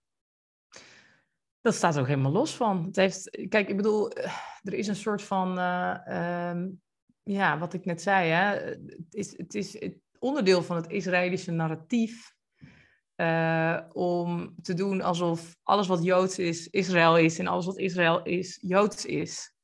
Eh, want dat, eh, ja, dat, dat, dat werkt goed en het is lekker simpel, maar dat is natuurlijk helemaal niet zo. Er wonen eh, over de hele wereld eh, veel meer Joodse mensen die van alles vinden. En je mag ook absoluut niet iemand op zijn Joods zijn afrekenen op wat hij of zij van Israël vindt. Dat, is, dat is antisemitisch, om te denken, jij bent Joods, dus jij zult wel voor Israël zijn, dus ik vind jou verkeerd. Ehm, eh, maar waar wilde ik nou naartoe gaan?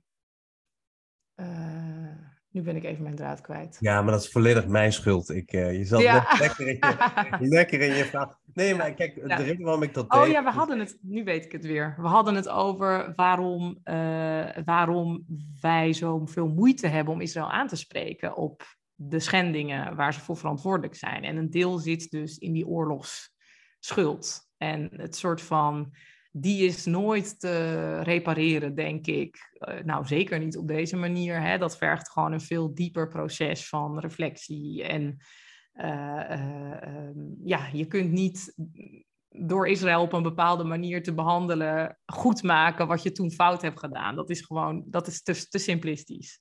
Nou ja, misschien, misschien, misschien kun je dat wel doen, maar dan moet je, a- dan moet je niet de principes overtreden die je juist Ja. probeert te beschermen. Ja, Dus je zou, van mij mag je dat best doen. Je mag Israël best voortrekken, maar niet door het waardevolle, het principiële, het menselijke weer te vertrappelen. Wat Hmm. toen ook zo fundamenteel vertrapt is. En eh, wat mij voornamelijk dwars zit, is dat, en, en nu moeten luisteraars zich wel inspannen, want ik ga wel iets, iets moeilijks doen. Door het waardevolle te vertrappen, door het menselijke te negeren, door mensenrechten te schenden en weg te kijken, doe je mensenrechten geweld aan. Het gaat niet om partij A of partij B. Je bent nu het waardevolle Ja. dat zo kwetsbaar is. Dat zo. Ik, ik, mag, ik was laatst wel in, in, in Hiroshima. Dus het, het menselijke was dan. Een atoombom hetzelfde. Het geweld in Vietnam ben ik ook geweest hetzelfde. Het geweld tegen de Joden hetzelfde. Dat is wat je probeert te beschermen. En wanneer je in die bescherming juist het waardevolle geweld aan doet.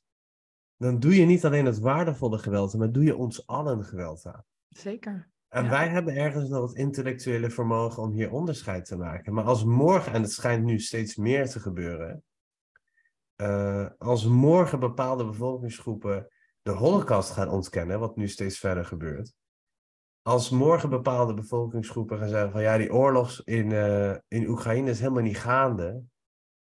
Als morgen eh, bepaalde groepen zeggen van ja, eigenlijk is de historie die jullie omschrijven, die is gewoon niet waar. Dat doen ze omdat ze zien dat de voorzitter van de Europese Commissie, wil ik zeggen, Hm. dit geweld, hè, toen ze Israël aan het feliciteren was met het bestaan, dit geweld niet noemt. Mensenrechten niet noemt. Ja, Het onmenselijking niet noemt. zeker. Dus wanneer je het waardevolle verloochent, doe je ons allen geweld aan. Ja, dat, dat is ook wel een goede. Om daarop ook op in te haken. Wat ik, wat ik merk is dus ook als je het verhaal in uh, verdediging van de rechten van mensen, die in dit geval de mensen van wie de rechten het ergst geschonden worden, zijn Palestijnen. Uh, als je daarvoor opkomt, uh, dan wordt je heel vaak gezegd van je bent pro-Palestina. En dan uh, is de andere kant is pro-Israël. Alsof het een soort van voetbalwedstrijd is. En dan zeg ik altijd nee, ik ben niet pro-Palestina, ik ben niet pro-Israël of ik ben niet anti-Israël. Ik ben gewoon pro-mensenrechten en principes van internationale, van gelijkwaardigheid, intermenselijke gelijkwaardigheid. En wat dat geweld aandoet, daar moeten we iets aan doen.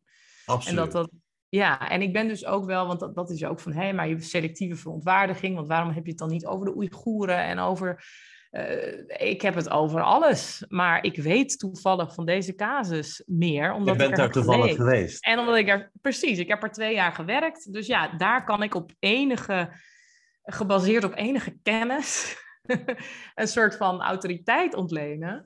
En um, uh, en met dus een soort van autoriteit ook spreken. Maar ik vind het heel storend als mensen dat zeggen van je bent een Palestina-activist. Ik zeg nou nee, ik ben eerder een mensenrechten... Als ik dan een activist ben, uh, dan ben ik een mensenrechtenactivist. Ik geloof gewoon dat dit het begin van het einde is. Om je ogen te sluiten voor wat hier aan de hand is. Ja. Ik heb het zelfs, ja. kijk, de Oeigoeren, ik vind dat verschrikkelijk. En dat is waarom ik mijn Huawei-telefoon heb ingeruild die zo goed was. En nu heb ik ingeruild van een Samsung die ik haat. De batterij raakt om de... Ik heb de Samsung S22, mensen niet kopen. Hij is heel mooi en heel klein, maar de telefoon kan dat eigenlijk niet aan. Dus de batterij is om de havenklap op en uh, uh, de processor loopt vast. Terwijl die alle, hè, het zou de grote... Mm, sterke, hij zou geweldig moeten zijn. Ja, is ja. niet. Maar ik heb die Huawei inge ingeruild en ik koop geen uh, Chinese producten meer. Vooral uh, die gekoppeld zijn aan de staat. Mm. Aan de Chinese ja. staat. Omdat ik daar wat van vind. En ik doe ja. hetzelfde met uh, dadels uit Israël. Uh, tenzij, en dat is ook misschien ook een leuke anekdote, mijn lieve in theologie gepromoveerde Israëlische buurvrouw die meeneemt. Uh, dan eet ik ze wel op. En uh, ik ga zeker niet namens haar spreken, maar dat is wel iemand die de mensenrechten schending ziet en de complexiteit ja. ziet en telkens blijft benoemen. Hè? Uh, mm. Maar ik heb, het, ik heb hetzelfde met als ik merk dat. ik heb hetzelfde met oude natiebedrijven. Mm. Ik probeer daar niks van te kopen. Lukt niet altijd. En ik vind het ook zo raar dat we dat allemaal zo kopen. Dat ik denk van ja, dit vermogen, dit intellect is gebouwd op de ruggen van uh, Joodse slachtoffers. Ik doe daar hetzelfde bij. Maar het verschil met dit thema is, als ik dit thema benoem, duikt iedereen weg.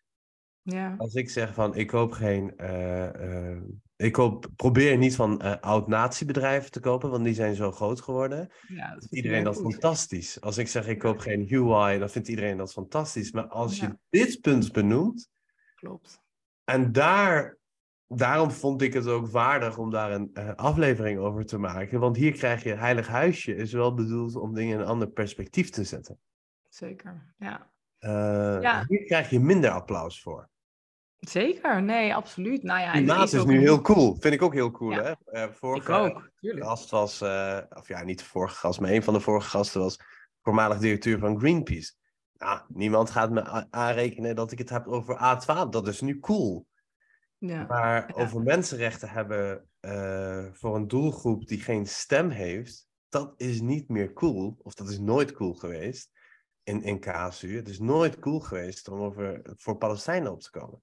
Nee, er is een enorme. um, Dat is ook onderdeel van, de, van het narratief uh, om Israël te. Uh, hè, dat is gewoon ook echt een onderdeel van de, van, van, van de strategie om Israël te, uh, te beschermen. Uh, hè, er, is een, er, is een, er is gewoon een. Je hoeft je mond maar open te trekken over recht van Palestijnen. Je krijgt, hè, ik zit zelf niet op Twitter, ook daarom, want ik, ik heb daar gewoon echt geen zin in. Maar je krijgt meteen een heel leger trollen over je heen.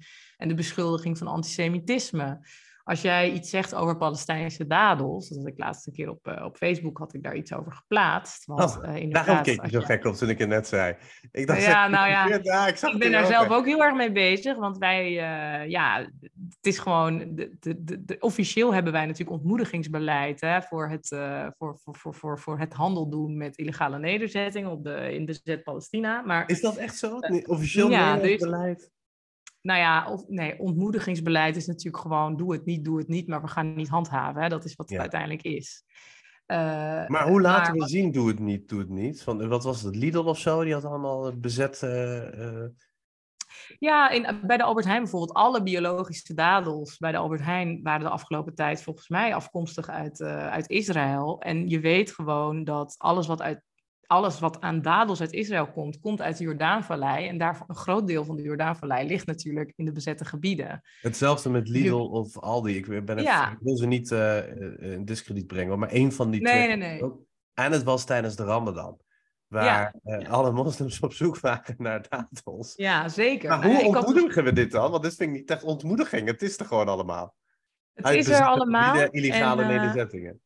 Nou, wat er volgens mij wordt gedaan is als jij als Nederlandse ondernemer met een plan uh, om iets in Israël te doen, um, met bijvoorbeeld de Nederlandse ambassade in Tel Aviv gaat spreken of zo, dan, dan krijg je hopelijk uh, krijg je een waarschuwing mee van let op, Doe geen handel in of uh, doe geen business daar of daar. En weet je maar, wel. Maar de medewerker van al die Albertijn Lidl, die zal dit niet meekrijgen, denk ik, toch? Nee, en wat er, wat er ontbreekt is gewoon handhaving door de Nederlandse Voedsel- en Warenautoriteit bijvoorbeeld. Dat kan wel, maar dat willen we dus gewoon duidelijk niet. Ach, vergeet handhaving, gewoon bewustwording. Dus eh, dat die... Nee, want kijk, ja, het, hè, die grote supermarktenketens, die hebben natuurlijk al lang voet aan grond. Het is niet dat die nog naar een cursus gaan bij de Kamer van Koophandel in Israël.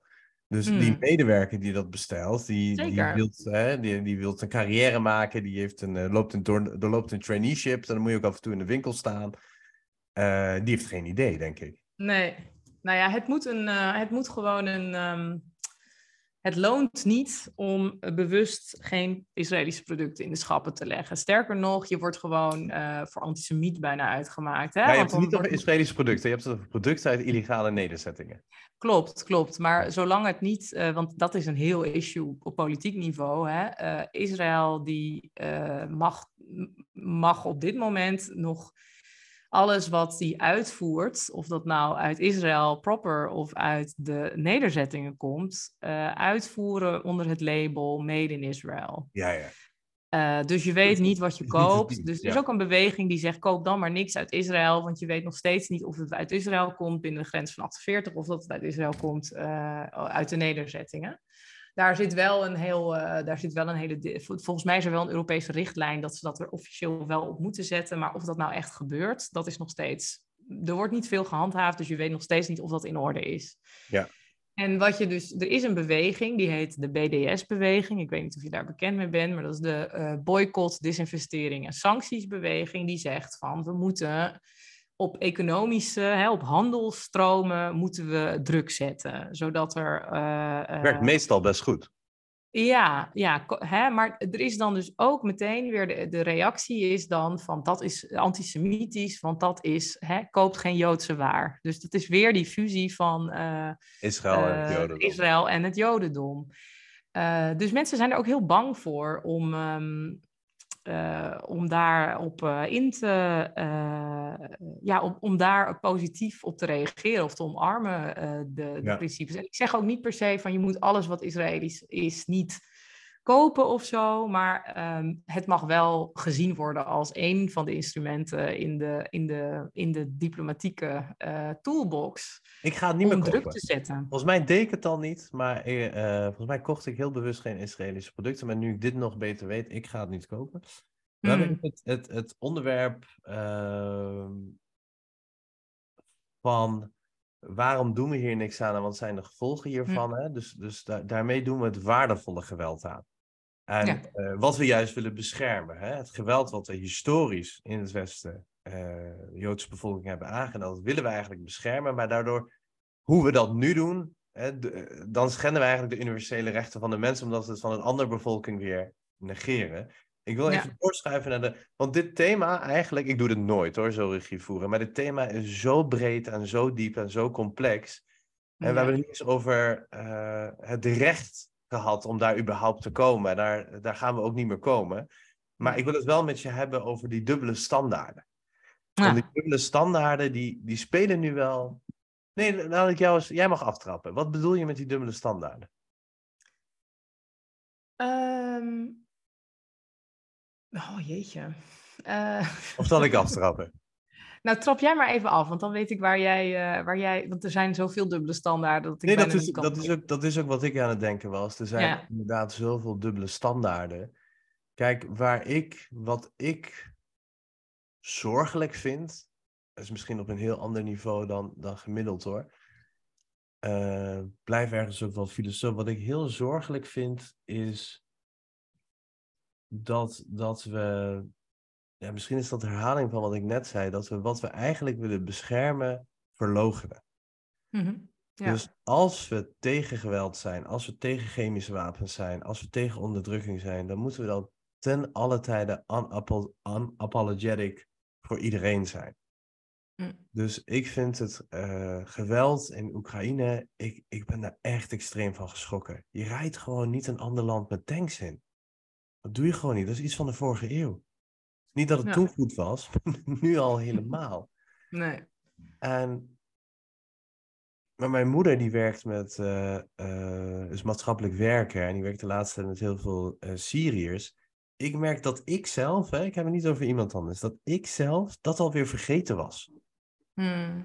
Maar dat hmm. daar allemaal kinderen, kinderen zijn het, 16, 17, 15, allemaal kinderen extreem getraumatiseerd door geweld nu Nederland binnenkomen en hier een soort van tweede rangs burger zijn. Jongens die, die leuker zijn dan ik, die knapper zijn dan ik, die zie ik al een beetje bang op het terras één colaatje drinken en weggaan. Ja, maar die mogen er niet echt bij. Hm. En dat zijn al de hele hippe en coole en hoogopgeleide families en zo, die nog een beetje aan de periferie van het terras durven te zitten.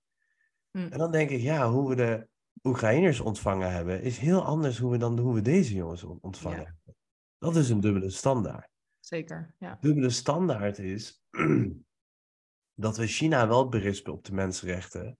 Zeker. En wat ze de Oegrezen aandoen, maar de Israëliërs niet. Dat is een dubbele standaard. Ja.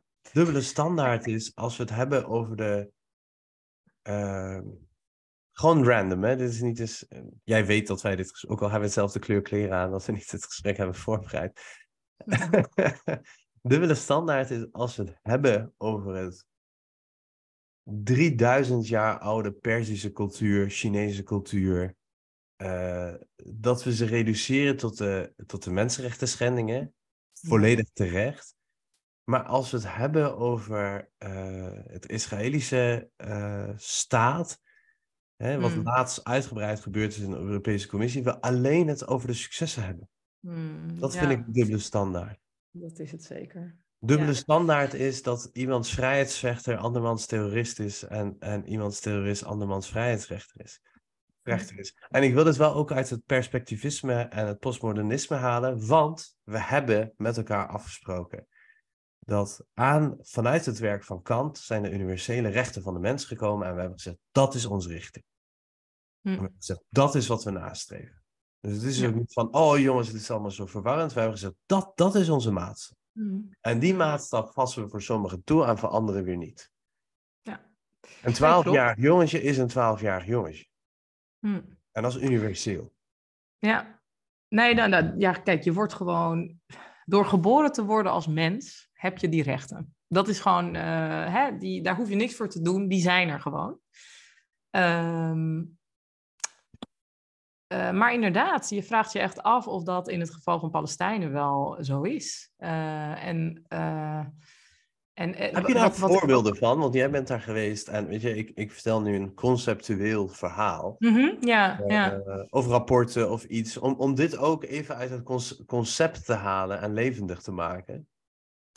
Nou, wat ik, wat ik bijvoorbeeld een heel uh, wat, wat, volgens mij is er, ik zag toevallig dat er weer een, een rapport van Defense for Children nu uit is gekomen over de behandeling van Palestijnse kinderen in Israëlische detentie toevallig toen ik daar zat, was dat ook een. Uh, een uh, daar komt gewoon één keer in de zoveel tijd, omdat de situatie gewoon niet verbetert. Wordt er weer een rapport geschreven over hoe die behandeling is. En dat het gewoon zwaar traumatiserend is. En dat het dus niet alleen op individueel niveau en op familieniveau gewoon een trauma is, maar ook dat het het uh, sociale weefsel eigenlijk ook in gemeenschappen aantast. Um, en dan komen er kamervragen daarover. En dat is dan je taak als ambtenaar om zo'n kamer, zo'n set kamervragen te beantwoorden. En ehm, ik heb toen ook een eerste concept geschreven waar woorden in stonden als kinderen en mishandeling en uh, uh, gevangenis en gewoon echt gewoon gewone mensentaal. En dan zie je Wat dat er gebeurt. Ja. Dus en eigenlijk zeg jij even, ik pauzeer maar even. Eigenlijk zeg Ja. jij, gaat een kind van 12, puur omdat hij daar geboren is, even de gevangenis in. Of misschien heeft hij zelfs met een steen gegooid. Hè? Die, Ja, gaat naar, die gaat naar de gevangenis, die wordt fysiek en mentaal mishandeld. ja, ja, Geen, eh, eh, geen eh, big breaking news, wat ik nu zeg. Nee. Geen eh, Wikileaks. Algemeen Mhm. bekende kennis. Een kind wordt daar fysiek, mentaal mishandeld. En jij schrijft er dan wat over. En Dan dan? schrijf ik daarover. En dan, eh, er zijn ook allemaal, hè, er zijn ook, ja, het is verschrikkelijk, maar er zijn ook standaarden van, eh, er zijn ook normen van wanneer mag je een kind arresteren en hoe moet je een kind dan behandelen. Hè? Dus er zijn, er zijn heel veel regels daarover. Je mag bijvoorbeeld een kind niet de handen boeien voor of achter de rug. Kinderen moeten, als ze dan geboeid moeten worden, moet het voor de buik. Nou, dat soort dingen, ik wist het niet, maar toen ik daar een beetje in ging rondpluizen, bleek dat daar ook gewoon allemaal richtlijnen voor zijn. En ehm, dan ga je dus, eh, dan ga je dus zo'n zo'n kamervraag beantwoorden over die behandeling van die kinderen. En dan het eerste wat er dan gebeurt in de volgende redactieslag is dat het woord kind wordt vervangen door minderjarigen. Het woord eh, gevangene wordt eh, door de- detentie, of de gevangenis wordt door detentie of hechtenis. Eh, gewoon zorgen dat de afstand in het taalgebruik eh, feitelijk misschien nog wel correct, maar vooral ook gewoon dat het die laag van eh, menselijke emotie niet raakt. Dat, dat voelde gewoon extreem ontmenselijkend ook. En toen, toen heb ik ook gezegd van, weet je wat, jullie beantwoorden deze vragen zelf maar, want ik wil hier niet aan meedoen. Ehm, en wat bijvoorbeeld in de, hè, op een gegeven moment toen ik daar zat, toen, nou, toen kwam de, de COVID-pandemie. En eh, toen eh, was de, het, het internationale, eh, ehm, eh, de, de richtlijn ook van de WHO en UNICEF was van alle kinderen die in detentie zitten, die geen veiligheidsdreiging zijn voor de samenleving, moeten onmiddellijk vrijgelaten worden. En dan zie je dus dat alle Palestijnse kinderen in Israëlische detentie eigenlijk niet vrijgelaten worden. En alle Israëlische of alle Joods-Israëlische kinderen dus in, in, eh, in, eh, in Israëlische detentie wel werden vrijgelaten. Dus op dat soort momenten denk ik van ja, maar nu heb je dan een ingang om eens een keer iets. En voor kinderen ook, dat vond ik ook het verbazingwekkende. En dan denk ik van nou ja, goed, als je niet je hand in het vuur wil steken voor een jonge man die, waarvan je vermoedt dat hij een terreuractiviteit begaat. Nou, ik vind, vind nog steeds problematisch, want iedereen heeft rechten. En als iemand bijna doodgeslagen wordt in, uh, in voorarrest, dan is dat ook een mensenrechten-issue dat je aan zou moeten kaarten. Maar als je dus zelf niet bereid bent voor kinderen uh, uh, een beetje zwaarder diplomatiek geschut in te zetten, ja, wat, wat blijft er dan nog over van je menselijkheid, van je beleid? Hè? Uh, dus dat vond ik heel erg, uh, dat, dat vond ik heel erg pijnlijk. En, en... Ja, en, ik, en ik vind het meest zorgwekkende, wat doet dit? Hoe geloofwaardig ben je dan naar je eigen burgers toe? Niet. Want, we, nou ja, Nee. en dat vind ik echt zorgwekkend op, op derde orde denken. En ik zal even proberen uit te leggen wat ik daarmee bedoel. Dat vind ik zorgwekkend op het niveau dat ze dan gaan ontkennen dat een vaccin bedoeld is om te helpen. Dat vind ik zorgelijk op het niveau dat mensen dan gaan. Op, want ze horen de instanties en de instituties niet altijd waarheden spreken. Dus ik vind de toeslagenaffaire zorgelijk voor de ouders, maar ik vind het nog zorgelijker voor de betrouwbaarheid van de Ja. overheid. Ik vind dit zorgelijk voor die kinderen, maar ik vind het nog zorgelijker hoe geloofwaardiger, hoe geloofwaardig we zijn als we dan de komende honderd jaar iets willen doen op het gebied van mensenrechten. Ik vind het Ja. zorgwekkend als je merkt dat er op middelbare scholen eh, jongeren, eh, eh, nou volgens mij intussen breed, de holocaust ontkennen. Hmm. Want je gelooft niet meer de mainstream informatie. En het is de verantwoordelijkheid van de mainstream informatie om juiste informatie te zorgen, verzorgen. Ja. Nee, dat is, dat is inderdaad een hele. Kijk, ik denk dat in dit geval wordt een klein beetje de. de- ja. Wat, wat, wat ik heel pijnlijk vind is, omdat het Palestijnen zijn, we don't care enough. Weet je, dat is. En daar zit een. En Is wat daarachter. Dat, weet je, en dat komt omdat hè, uh, als jij een, een, een gemiddelde, uh, of als jij, nou, een gemiddelde Nederlander die bestaat niet, maar als jij gewoon iemand op straat aanhoudt die niet een, een, band heeft met een Arabisch land op de een of andere manier. Ja, of daar niet als diplomaat terecht is gekomen. Ja, en, en, en, en je vraagt van wat is een Palestijn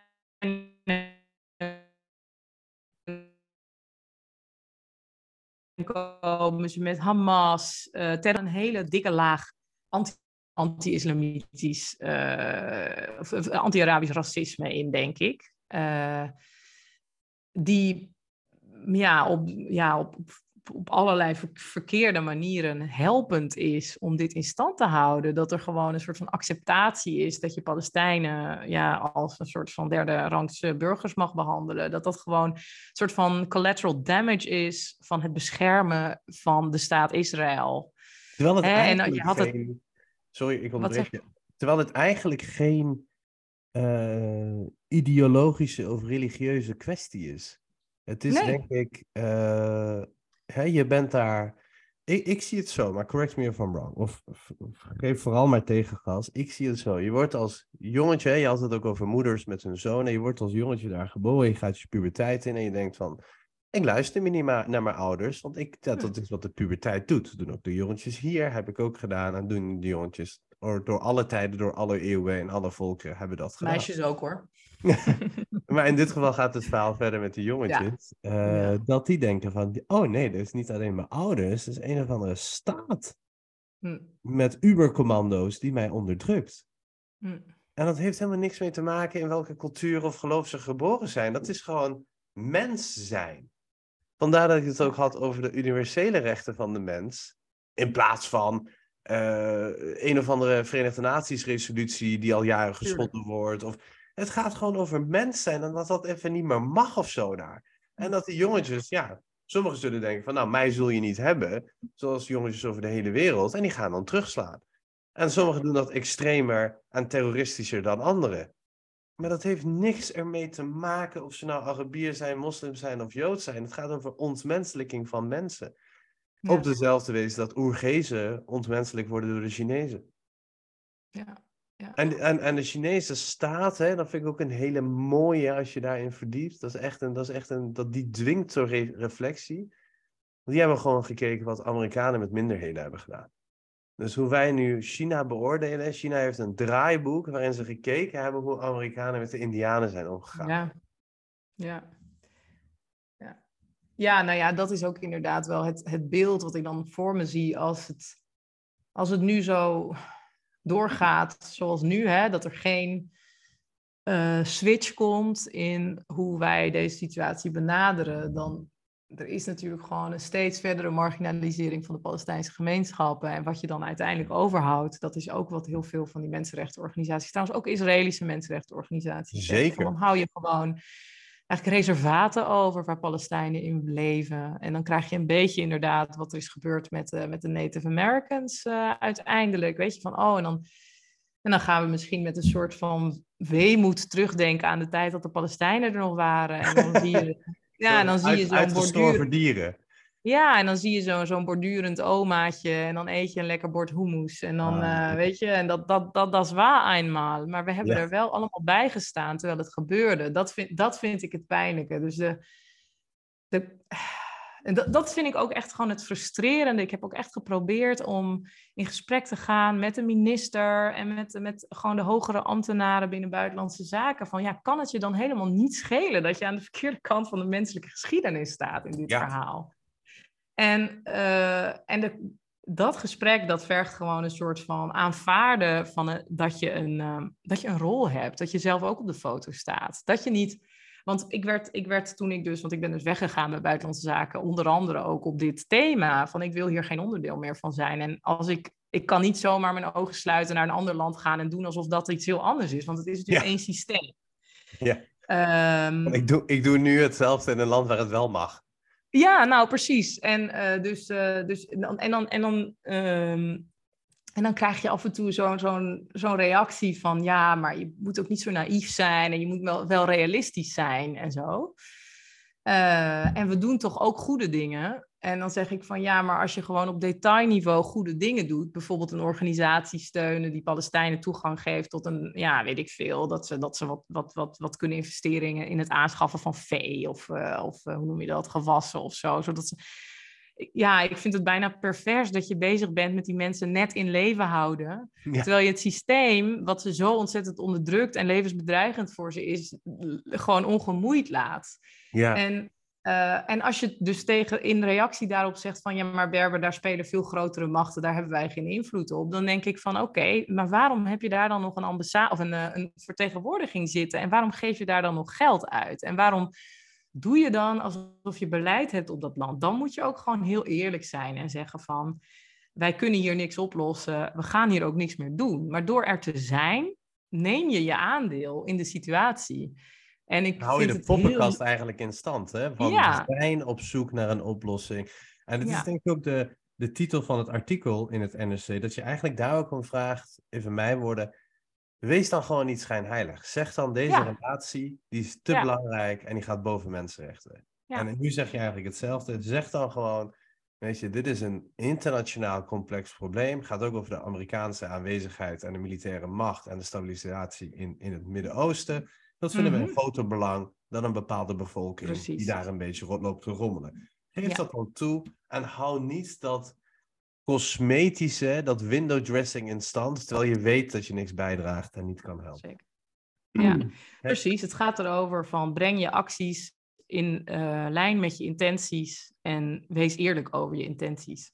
Oh, ik zie daar... ik, ik, eindig straks met hoe kunnen we hier in het goede doen. Dus deze mag je nog even, mag je even Ja. verborrelen en even bewaren. Ja, dat is goed. Ja. Je had het over de Palestijnse oma met een bordje humus en de gastvrijheid en eh, eh, de culturele aspecten. Ik moest associatief denken, weer een voorbeeld wat er niet direct mee te maken heeft, maar wel een goed beeld geeft. Daarvoor zijn die voorbeelden er.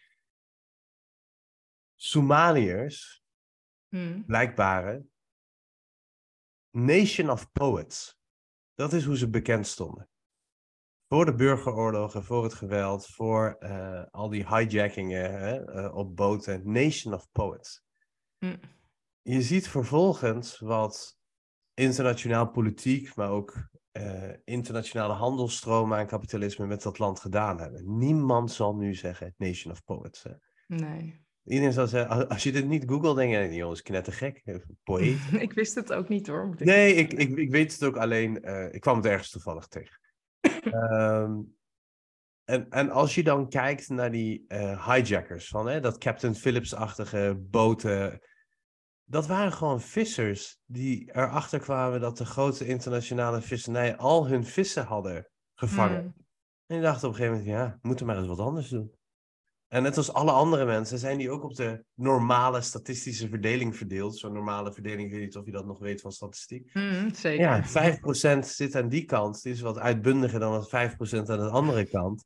Ja, 5% pleegt misschien zelfmoord en zal het aan niemand vertellen. Denkt het leven is niet meer zo te doen. En 5% gaat gewoon andere mensen vermoorden. Maar dit is ook universeel en in alle andere landen ook.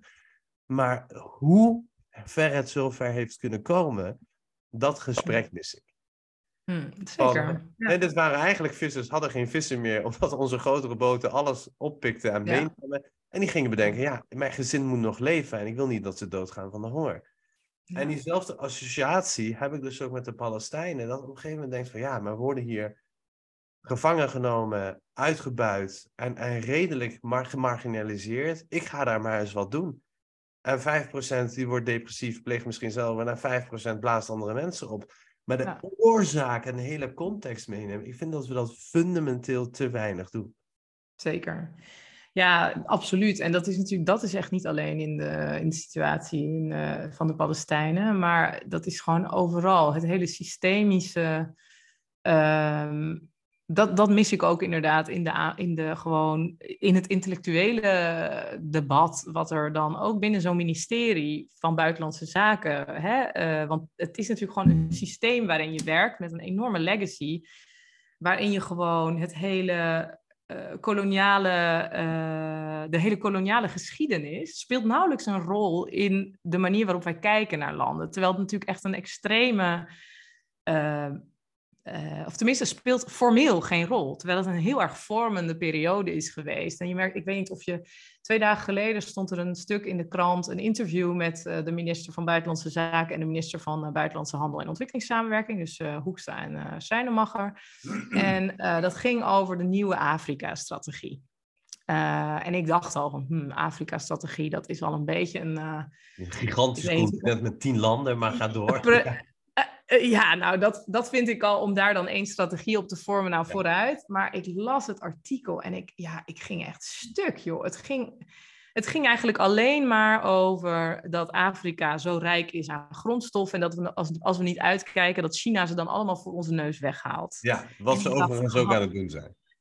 Dus dat zijn ze ook aan het doen. Maar ik dacht van, als je dit gewoon als een geregisseerd interview eigenlijk hebt. Hè, want een dubbel interview met een krant, dat, is niet, dat gebeurt niet per ongeluk. Dat is, dat is vooropgezet. Daar is over nagedacht. Als je de kans krijgt om na te denken. En je ziet niet dat dit echt een heel lelijk discours is. Wat gewoon Afrika als gewoon de scramble for Africa all over again, weet je. Dus ja, het je, hele... zei, je zei, ik ben teleurgesteld in het intellectuele discussie bij het ministerie van Buitenlandse Zaken. Ja. ja. Ik vind ieder woord in die zin verkeerd. Het is geen discussie. Het is niet intellectueel.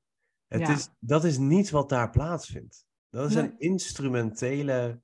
Snap je nou wat ik bedoel met instrumenteel? Ja, ja, ja, zeker. Nou, ik, ik had gehoopt, en daar heb ik 13 jaar voor nodig gehad om daar achter te komen. Ik had gehoopt dat die er wel zou zijn.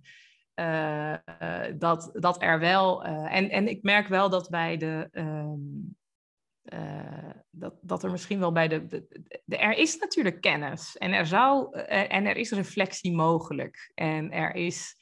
Er zijn mensen die verder kunnen denken dan alleen maar de realiteit hè, van het moment waar je naar kijkt, hè, waar, waar, je, waar je oog op valt en waar je op reageert. Um, maar ik had gehoopt dat er meer ja, dat het meer van belang zou zijn hoe, uh, niet alleen hoe je het nu met, met gewoon de, de, de uh, hoe noem je dat, de gejaagdheid, de waan van de dag bekijkt en hoe het eruit ziet, de optics, maar dat er ook wat meer nagedacht zou kunnen worden over hoe zijn we daar gekomen en wat is onze eigen rol daar eigenlijk in. Ja, ja. En um, ja, dan ben ik kennelijk ja, te idealistisch of weet ik veel wat. ik heb ook ooit een ik heb, ooit een, uh, ik heb ooit een ingezonden stukje geschreven in Trouw over... Uh, dat was naar aanleiding van het racisme-rapport.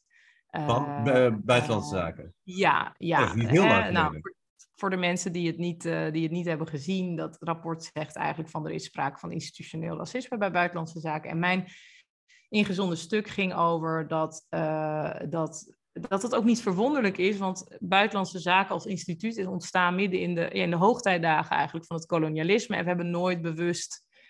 Uh, ja, dat onder de loep gehouden. Nee, we hebben dat nooit bewust onder de loep gehouden. We hebben er ook nooit bewust een soort van afstand van gedaan. We zijn gewoon doorgegaan en we doen alsof het er niet is. En ik zei dus ook, dat was mijn tweede punt, van Ehm, dat zit dus ook in dat racisme wat in ons, de, bejegening en behandeling van mensen met een uh, biculturele achtergrond of, uh, of, of, of, of, of een, hè, dus omgaan met een migratieachtergrond of een vluchtverleden. Um, dat zit ook in ons beleid, onvermijdelijk. Nou, ik, dat was een paar weken nadat, ik dat, nadat dat artikel in het NRC over mijn standpunt over Israël-Palestina uh, uh, was, was gekomen. En toen kreeg ik dus, waar ik dus inderdaad eerst sommige oud-diplomaten juichend in mijn mailbox kreeg van wat heb je dat goed gezegd en hè, over Israël-Palestina. Dus er zijn wel mensen die dit natuurlijk ook vinden. Die zeggen het niet hardop, maar die zeggen het dan wel privé tegen je.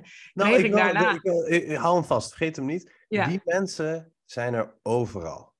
Ja, en sommigen zeggen het ook hardop. Ja, ik weet niet of ze. Het is moeilijk om tegen je tijdsgeest te vechten. Dus ik, ik, ik neem die mensen ook niks kwalijk.